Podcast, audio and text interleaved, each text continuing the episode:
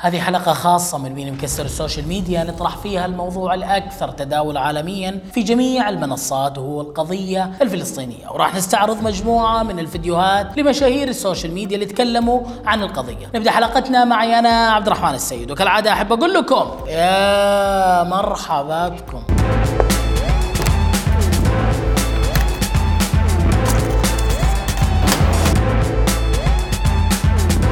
قبل لا نبدأ الحلقة أتمنى أنكم تتابعوا هذه الحلقة للآخر وأتمنى أنكم تشاركونا في هذه الحلقة. نقطة مهمة اللي مو ضاغطين كلمة إضافة فوق يضغطون كلمة إضافة ونبدأ حلقتنا. كلنا اليوم شايفين بشكل واضح اللي صاير في فلسطين. عشان كذا في هذه الحلقة راح نقول لكم أبرز الفيديوهات لمشاهير السوشيال ميديا ودعمهم أو الحديث عن القضية الفلسطينية راح نبدأها بداية بسمية الناصر. الله يقويكم إن شاء الله. أصدقائي في فلسطين الله يقويكم ويعينكم. هو أي شخص في فلسطين برضو ترى خلينا لكم طاقة الأزمات مجانا.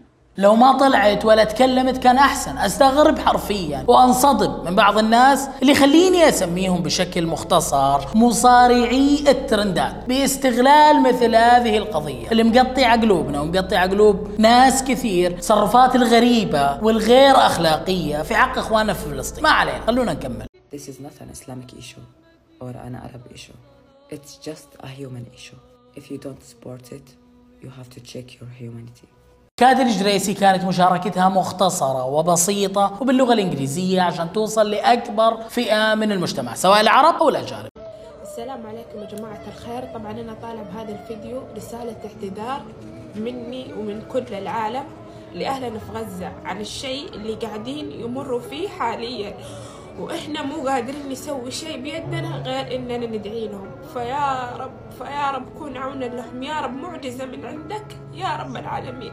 لأنه خلاص انقطعت عنهم كل سبل كل سبل الحياة بدون أكل بدون شرب. إيش ذنب؟ أنا بس أبى أسألهم إيش ذنب الأطفال؟ الأطفال اللي راحت أحلامهم.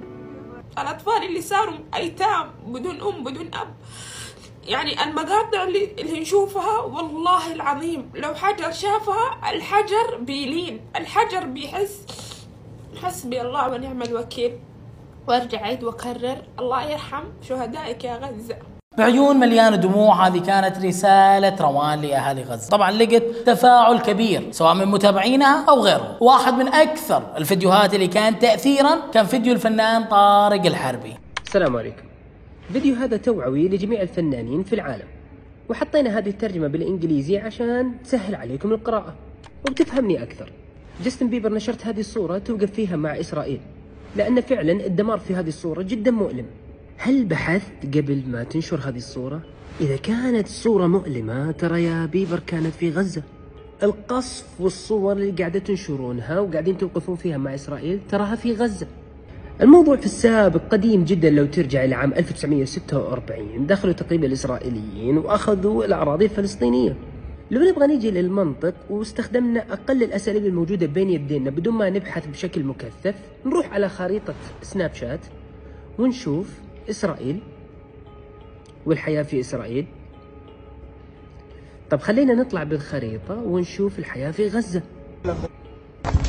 الآن تبى توقف معي أنا أعترف أنه أنتم إعلاميا أقوى مننا بكثير. لكن هذا قبل السوشيال ميديا. ما عاد تقدرون تغيبون الأمور زي زمان بالتلفزيون أو بالجرايد.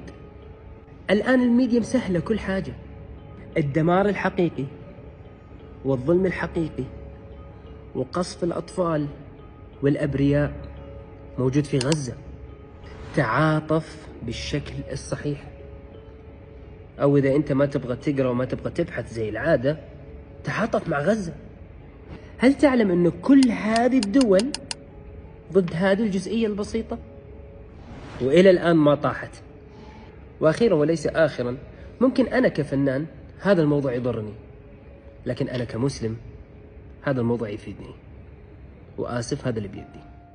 اخترنا هذه المقاطع بشكل سريع جدا وأحدثها على مواقع التواصل الاجتماعي. الكل يقدر يشارك الكل يقدر ينشر مثل هذه المقاطع. ممكن تقول لي ما عندي منصة ولا عندي مكان أعرف أنشر فيه ولا أعرف أطلع ولا أتكلم ولا أقول أي شيء. بقول لك تقدر تشارك أهل غزة بالدعاء. تقدر تشاركهم بنشر مثل هذه المقاطع وتقدر تشاركهم كمان بنشر مثل هذه الحلقة والحلقات اللي مشابهة في عرض أبرز المواضيع اللي تخص قضية فلسطين. بقول شيء أخير. اللهم إننا نبرأ من حولنا وقوتنا إلى حولك وقوتك اللهم إننا لا نملك لفلسطين إلا الدعاء. فيا رب لا ترد لنا دعاء ولا تخيب لنا رجاء. وأنت أرحم الراحمين. اللهم انصر أهل فلسطين وثبت أقدامهم وارحم شهداءهم واشف مرضاهم يا رب العالمين. انتهى نقطة آخر السطر